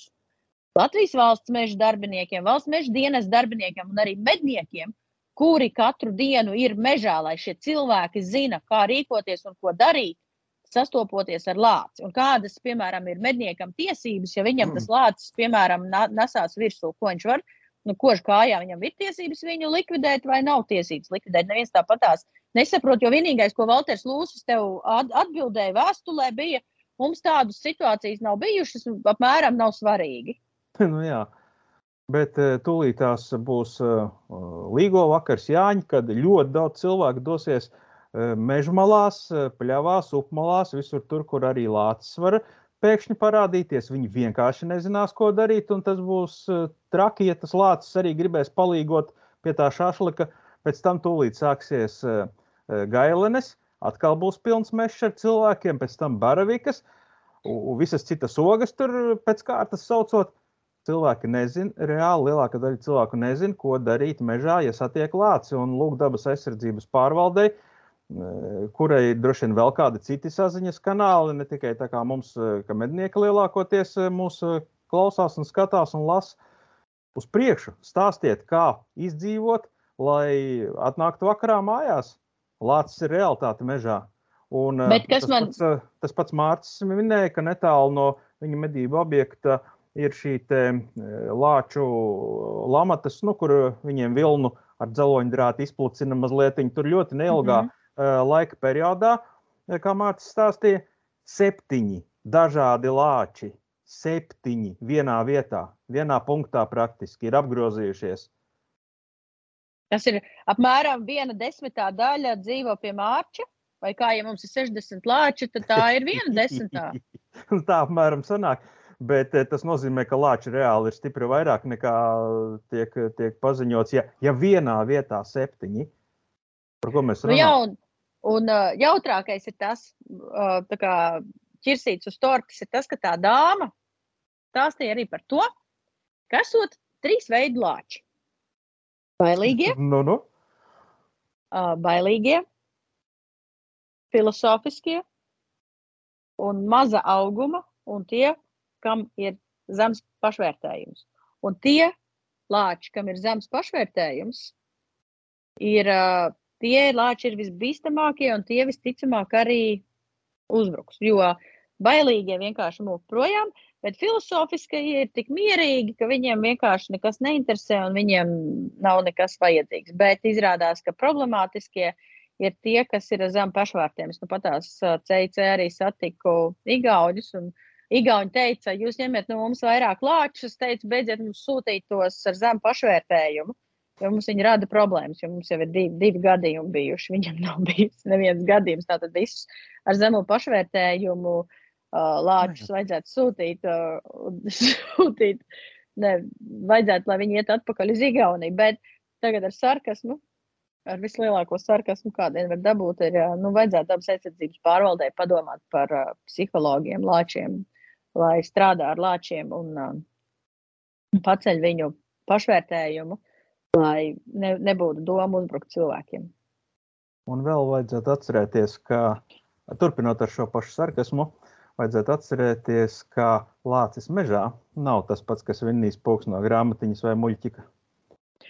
Jā, mēs šodien runājam uh, savu stāstu, stāstam sadarbībā ar Medību saimniecības attīstības fondu, kur viens no galvenajiem un būtiskākajiem mērķiem ir mednieku izglītošana. Un par vēl vienu nelielu detektīvu, stā, stāstu mēs tūlīt ar Indulu parunāsim pēc pauzes. Nu ko? Lādē iekšā! Tā, Nu, ko, Linda, es saprotu, ka kāds ir ņēmis lupu, uzlicis galvā jocīgo cepuri, aizkurinājis pīpi un devies veikt izmeklēšanu, kā savulaik Londonā Šerloks Holms. Jā, stāsts ir fantastisks. Jā, viss stāsts uh, par to, kas tas par tādu struntu bija un kā mēs līdz tam struntam nonācām, uh, ir jūlija numurā, tiek gatavots uh, žurnāla medības jūlija numurā. Uh, to mēs, uh, uh, jū- jūs varat to sagaidīt savā pastkastītē, ja jūs to abonēsiet līdz gada beigām. Un lūdzu, lūdzu abonējiet žurnāla medības, tāpēc ka bez, uh, bez abonementa un bez žurnāla medības mums nebūs iespēja veidot tik daudz interesantu un fantastisku materiālu. Ceru, ka viņiem patīk šī materiāla, ko mēs publicējam video formātos. Bet uh, tāds ir par to, ka Raitis no Jahipa un veikala atsūta man uh, vienu vakaru bildes. Viena bilde ir ar mazu azīti, kuram šādi mazi, mazi, mazi dažu centimetru gari pūkaini radziņi. Un visas pārējās bildes ir uh, Induls tagad parādīs un brīdinājums, lūdzu, nolieciet malā jebkādu ēdienu, tāpēc, ka tās bildes ir tik dramatiski briesmīgas un cilvēki ar vājiem nerviem jau paši zina, kas viņiem ir jādara. Jā, tam uz Ā. priekšu. Tas viss dzīvnieks, visa, viņa, visa tā gaļa, iekšējie orgāni, sirds, viss cauri bija ar tādām kā baltām, baltām nelielām rīsa graudiņu formas, pū, nu, tad finas viņas saucās, vai pūslīši. Vienkārši tas skats ir dramatisks. Pat normālam medniekam tas skats izraisa vienkārši Nepatiku. Jā, stipru nepatiku. Tagad man tas raitis, kurš pats to nav nomedījis, bet viņam viens paziņa kaut kur kurzemē pie kuldīgas ir to nomedījis. Un tagad zvana un, raksta man, kas tas tāds ir un ko ar to darīt. Vienīgais, ko es tajā mirklī saprotu, man nav veterinārā izglītība, bet pietiekami daudz, mēs esam šādas lietas skatījušies. Mans pirmais vērtējums ir, ka tie ir visticamāk lenteņu puslīši. Un es vienkārši tam cilvēkam, nepadomājot tālāk, aizrakstu, ka nu, nēst, suņiem nedot, vislabāk utilizēt, sadedzināt, norakt. ACM konteiners ir ļoti lieliski iespēja, kur to atstāt. Īsāk sakot, nemēģināt pat sagriezt, jo, ja to visu sagriež un tas šķidrums iztek ārā ar visiem tiem lenteņu aizmetņiem, vai oliņām, vai galviņām, vai visu to preteklību, un tad jūs nonākat pie suņiem uz kaut kāda uh, virsmas, kur pēc tam tiek nolikts kaut kāds ēdiens, vai, nu, īsāk sakot, tur ir baigākā šaiza nepatīkams sanākt. Vienkārši tad jūs dzīvojat kopā ar kaut kādiem draugiem, nevēlamiem īrniekiem, no kuriem Arī savā organismā droši vien. Nu, jā, jā, par to jau ir runa. Un uh, es to aizrakstu raitim, viņš pasaka paldies. Un, uh, mums ir žurnāla medības tīma WhatsApp grupa, kurā es iemetu šīs bildes, jo mums arī no tīma komandas, komandā ir Ivars Kolada, kurš uh, strādā veterinārijā, pārtiks veterinārijā dienestā. un Mums visu laiku piegādā fan- fantastiskākos materiālus un vienmēr arī sniedz komentārus un veic izmeklēšanu šajos jautājumos. Uh, nu, jā, Ivars arī pasaka, ka tie varētu visticamāk būt uh, lenteņi, vērša lenteņi, ko, ko var tikai laboratoriski pārbaudīt. Un nākamā dienā kaut kā sākās diskusija. Viņš man prasa, "A, kur, tie, kur, tas, kur tas buks ir. Es rakstu raitījumam, kur tas buks ir. Viņš raksta čomam, kur tas buks ir. Izrādās apracis. Mēs tur visu bišķiņu diskutēt, jo būtu bijis forši, ja nebūtu apracis, bet nosūtīt uz laboratoriju bioram, jo jūs varat vienmēr sazināties ar mani par šādiem gadījumiem, jo mēs esam tādā veidā tieši sadarbībā ar medniekiem atklājuši jaunu ehinokoku bebros. Proti, mednieki atveda bebru aknas, kas izstījās arī dramatiski. Mēs aizsūtījām uz bioru, un bioru atklāja jaunu sugu, kas vispār ir vienkārši fenomenāli. Bija priecīgi, uzrakstījuši, man liekas, pat kaut kādu zinātnisku darbu par to visu. Un, nu, lūk, beigai garais stāsts. Uh, sākam runāt, bet, nu, kā, nu, tā kā ir norakts, nu, tā ko tad norakts? Viss, viss beidzās. Beigās vienā mirklī man zvana svešs numurs un zvana tas mednieks un uh, saka, ka viņš ir tavu buku nomedījis.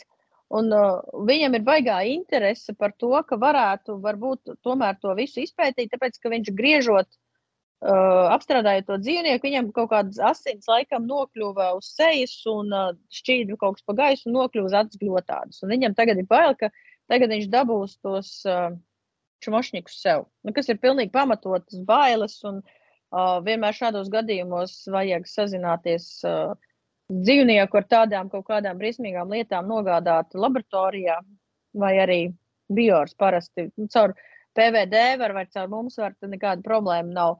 Vai arī sazināties pēc tam ar savu ģimenes ārstu, jo nu, labāk to visu pēc iespējas ātrāk nokontrolēt, nekā pēc tam gaidīt, ka notiek kaut kāda brīnuma. Beigās es viņus abus ar Rīvāru savedu kopā, iedod viens otru telefonu. Es saku, jo es neesmu kompetents šajā jautājumā. Labāk prasa ekspertam, izdomājiet, ko darīt un kas būs. Nu, un beidzās ar to, ka mednieks raka to buku ārā. Uh mhm. -huh. No kuldīgas es sapratu, vedu uz talsiem. Ivars to paņēma to, tās paraugus, sataisīja bildes. Viņš teica, tas ir ārprāts. Viņam pat sirds iekšpusē, muskuļos ir tie visi tie strunki. Vispār nav saprotams, kādā veidā tas dzīvnieks ir tik tālu izdzīvojis. Šausmas. Un to visu, ko tas lentenis dara un kādā veidā tas var ietekmēt gan mūsu pašus, gan arī suņus. Tas būs žurnāla medības jūlijā numurā ar visām bildēm un visu stāstu. Un uh, beidzās ar to, ka viņi bija iespēja aizsūtīt to visu uz bioru un apstiprināja, ka tas ir vēršu lentenis, kas ir cilvēkam bīstams.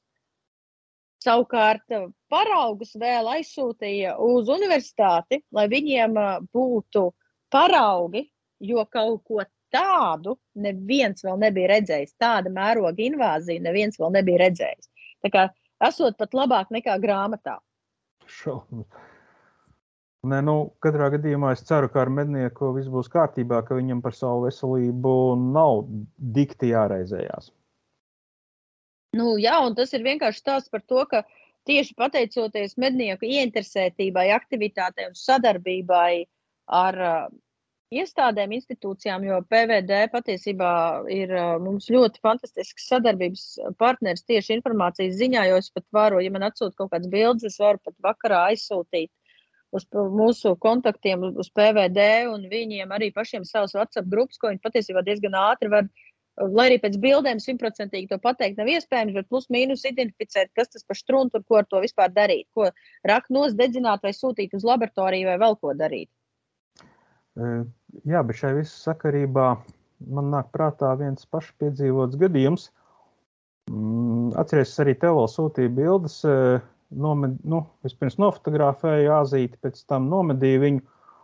Un, uh, viņam bija tā jocīgi tie sāni, tādi tu vēl vaicāji, vai ar to dzīvnieci viņi viss ir kārtībā. Mm -hmm.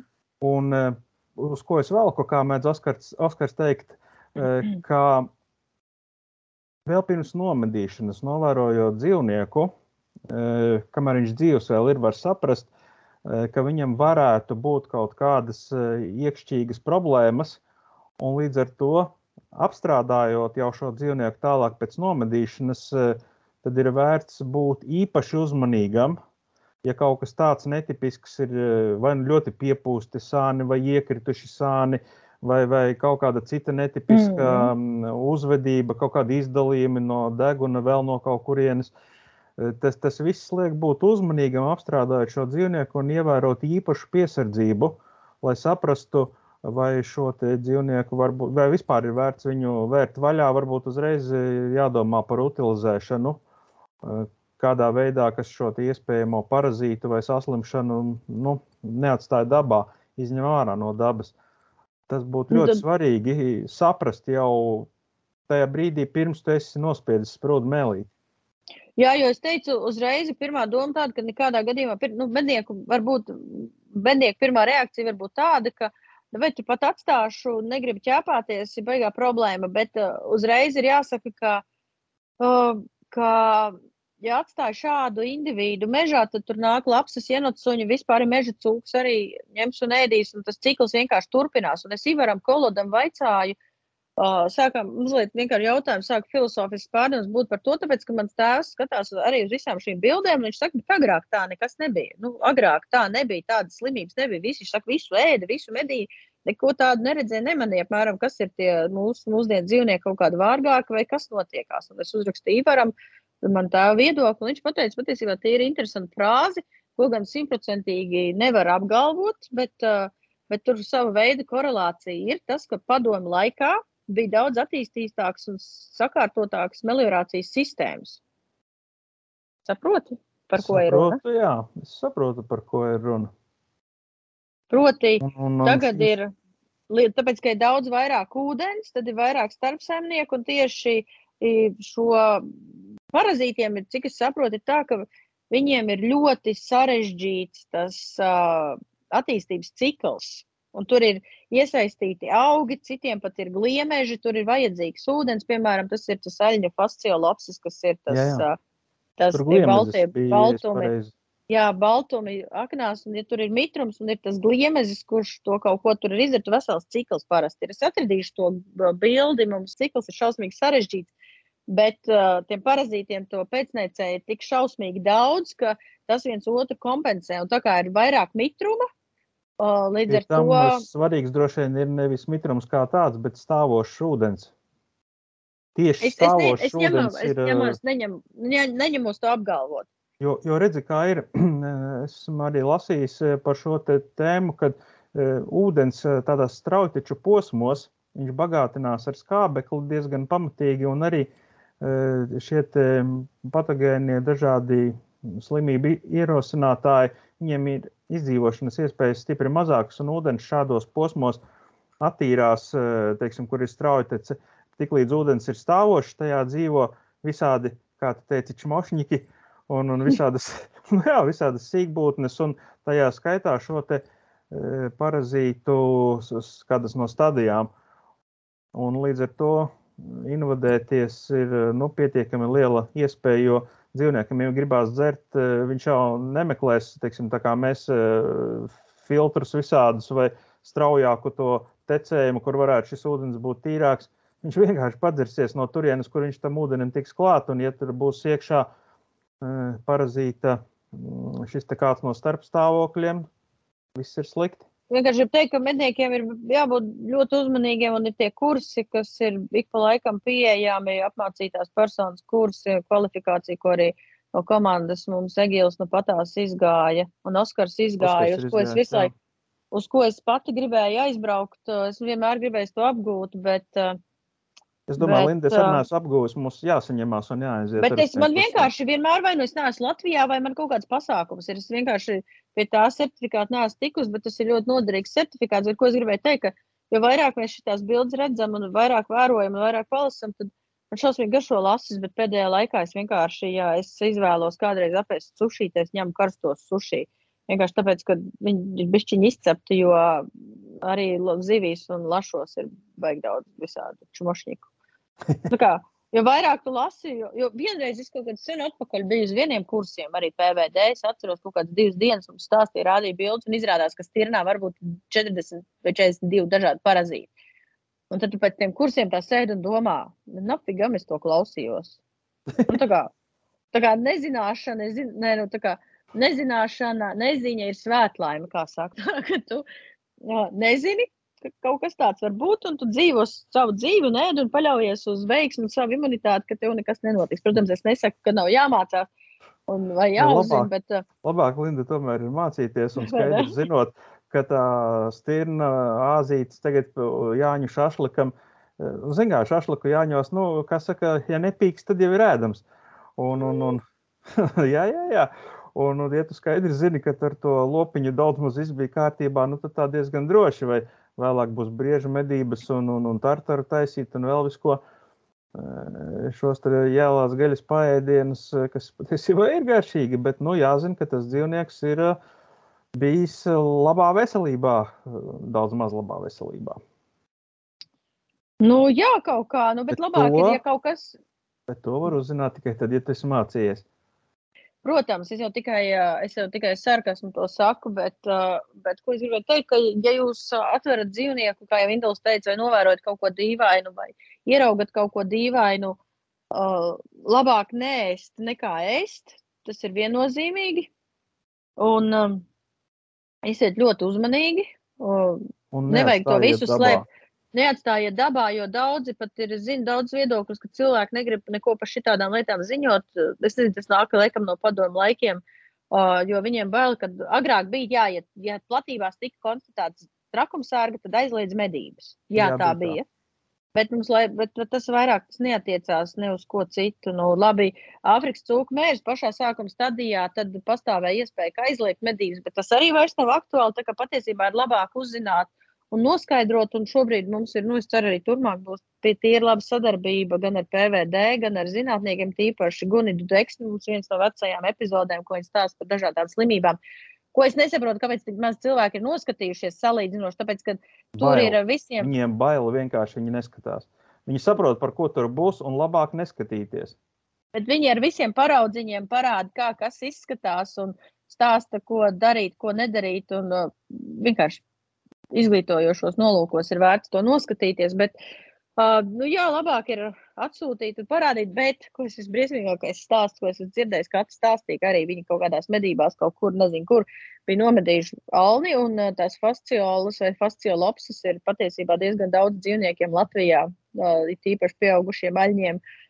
Un uh, tie tur noskaidro, kas tas tāds ir, un saprot, ka tas fasciolopsis nav uh, kaitīgs cilvēkam, bīstams cilvēkam, paņem un tagad cep tās akniņas.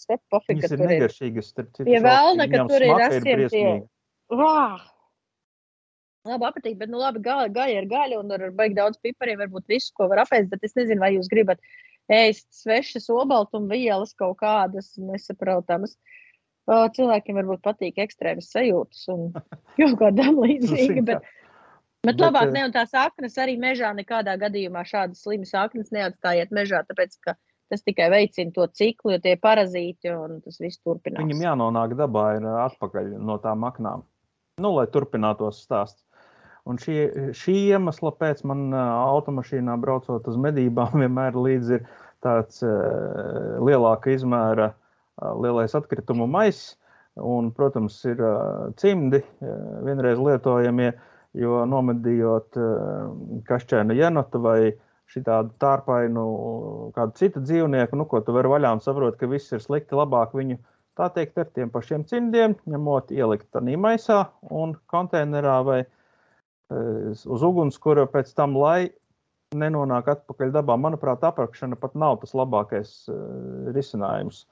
Jo vienalga tās ierosinātājs nonāk dabā, un ja vien neapraksiet milzīgā dziļumā, tad atnāks draugs kāds plēsējs, parakāsies un mm. viss turpināsies. Prātīgākais ir vai konteiners vai ugunskurs, vai tiešām ļoti dziļi rakt bedri. Šā garām jaktei būt.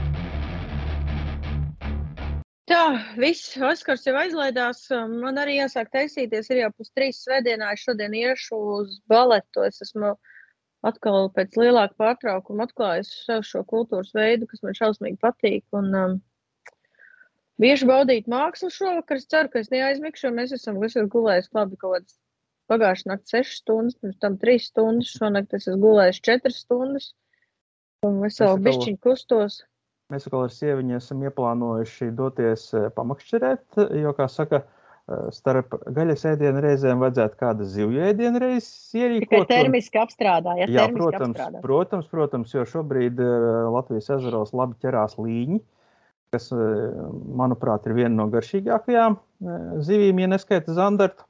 Nopietni, ja, ja līnis nav vilkts tieši no dūņām, Viņš ir ļoti garšīgs, cepts, labi uzcepts līnis. Man, man tiešām ļoti garšo. Nu, jā, kaut kā tā. tā ka... Oskars, Oskars mēro ceļu mājās no Dortmundas ar visu mūsu Latvijas komandu. Ir jāsaka, ka uh, jāsaka liels paldies patiesībā ies, iespējai, ko mums ir visiem devusi Latvijas mednieku asociācija, kurā savā paspārnē ir paņēmusi Stalbiešu piebaurotāju klubu. Uh, un uh, kur arī ir uh, dalī, da, dalībniece CIC un arī FACE. Un, uh, tas ir milzīgs darbs, kas ir ieguldīts uh, mūsu visu nākotnē. Ceru, ka kaut kādā veidā arī tas uh, tuvākā vai tālākā nākotnē atspoguļosies, un mēs to informatīvo karu kaut kādā veidā arī pagriezīsim sev pa labu. Oh, bet, bet to, ka šīs ir iespējas, lai mēs varētu parādīt pasaulē, šajā gadījumā ar CIC tieši pasaulē, kas ir Latvija, ko mēs darām un kāpēc mēs esam tik šausmīgi forši. Tā ir fantastiska iespēja, es vienkārši, es saprotu, ka es esmu vienkārši neārstējams patriots, vienkārši neārstējams patriots, jo tad, kad uzkāpu skatuves mūsu štāba orķestris fantastiskajās formās un pūš Latvijas himnu, man ir ļoti jāsaņemās, lai nekļūtu histēriski emocionālai. Nē, tas Sirds ir pilna tajā mirklī. Sirds ir pacelājošs mirklis. Jā, elpa trūkst un acīs ir mitrums, un tu saproti, ka tu esi daļa no vienas fantastiskas, skaistas kultūras, tautas, nācijas un valsts, kurā mums ir vienkārši fenomenāls iespējas. Un, kā no, kat, no katra paša ir atkarīgs, kā mēs, kā latvieši, šo vārdu nesam pasaulē. Jā, bet šīs tādas īpašas izjūtas varbūt tieši tāpēc arī manā sētā ir karoga masts, kurā visu laiku ir mastā Latvijas karogs.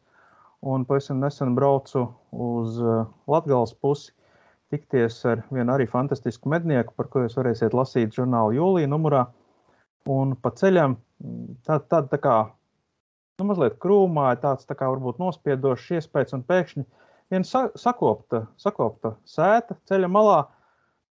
Var redzēt, ka cilvēki nav ļoti turīgi, bet viņi vienkārši ar rūpību, rūpību kopi savu vietu, kur viņi dzīvo, un arī pagalmā bija skaists balts karoga masts, plīvoja Latvijas karogs, un tu jūti, ka jā, arī šī vieta ir daļa no Latvijas, Un ir svarīgi apzināties šo valstī, valstiskumu, kurā mēs dzīvojam, un ka šī ir mūsu zeme, īpaši šajā laikā, kad pasaulē notiek tādas trakas lietas kā Ukrainā. Saproti, ka jā, šis cilvēks stāv par šo zemi. Es domāju, šīs nots mēs varētu arī eh, beigt 131. mūsu epizodi. 131. un es gribu, eh, un, un savā runā CC, eh, viens fragments ir, ko man tā sajūta, ka man tas ir jāpasaka, ka Es mīlu šo valsti, es mīlu savu valsti. Un, uh, un tādēļ es saprotu Ukrāņus, kuri ar neticamu drosmi un pašaizliedzību cīnās par savas valsts neatkarību, uh, brīvību un uh, iespēju veidot demokrātisku sabiedrību. Šī epizode bija sadarbībā ar Medību saimniecības attīstības fondu, kur viens no galvenajiem un ļoti svarīgiem uzdevumiem ir mednieku izglītošana. Tādēļ mēs runājam par nopietnākiem tematiem. Uh, abonējiet žurnālu medības, tāpēc, ka tas mums ļauj veidot foršu, interesantu, dažādām gaumēm piemērotu saturu par dažādām tēmām. Uh, Tas mums ir ļoti, ļoti svarīgi. Un, ja jūs to neesat izdarījis, tad uh, noteikti izdariet un uzspiediet laiku, jo tas padara mūsu video redzamākus plašākai sabiedrībai. Ir svarīgi, ka šīm tēmām redz un sadzird tieši mūsu viedokli, redz un sadzird uh, arī nemednieki un antimednieki. Un katra padalīšanās reize un katrs laiks, ko jūs pats personīgi izdarat, uh, tas ļauj vairāk cilvēkiem redzēt šo saturu. Un teikšu uzreiz, ļoti daudzi nemednieki, kas ir skatījušies mūsu podkāstu, ir kļuvuši par medniekiem. Un, ja mums epizodi ir zvaniņu, lai zinātu, kad iznāk jaunākās epizodes, jaunākie video. Un, ja mūsu epizodes noskatās vidēji no 1500 līdz 2500 skatītāji, tad parasti maksimums ir nospiesti 80 pīkšķīši uz augšu. Tas nozīmē, ka ļoti daudzi kautrējās spiest nekautrēties tādā veidā, jūs mūs atbalstat. Tieši tā. Nu ko, tiekamies mežā, jaktei būt un uh, nemēslojiet mežā. Linda. Un nemēslojiet mežā. Un ja jūs redzat, ka kāds to dara, lūdzu aizrādiet. Šaujam garām. Ņemamies nost. Masts beidzies.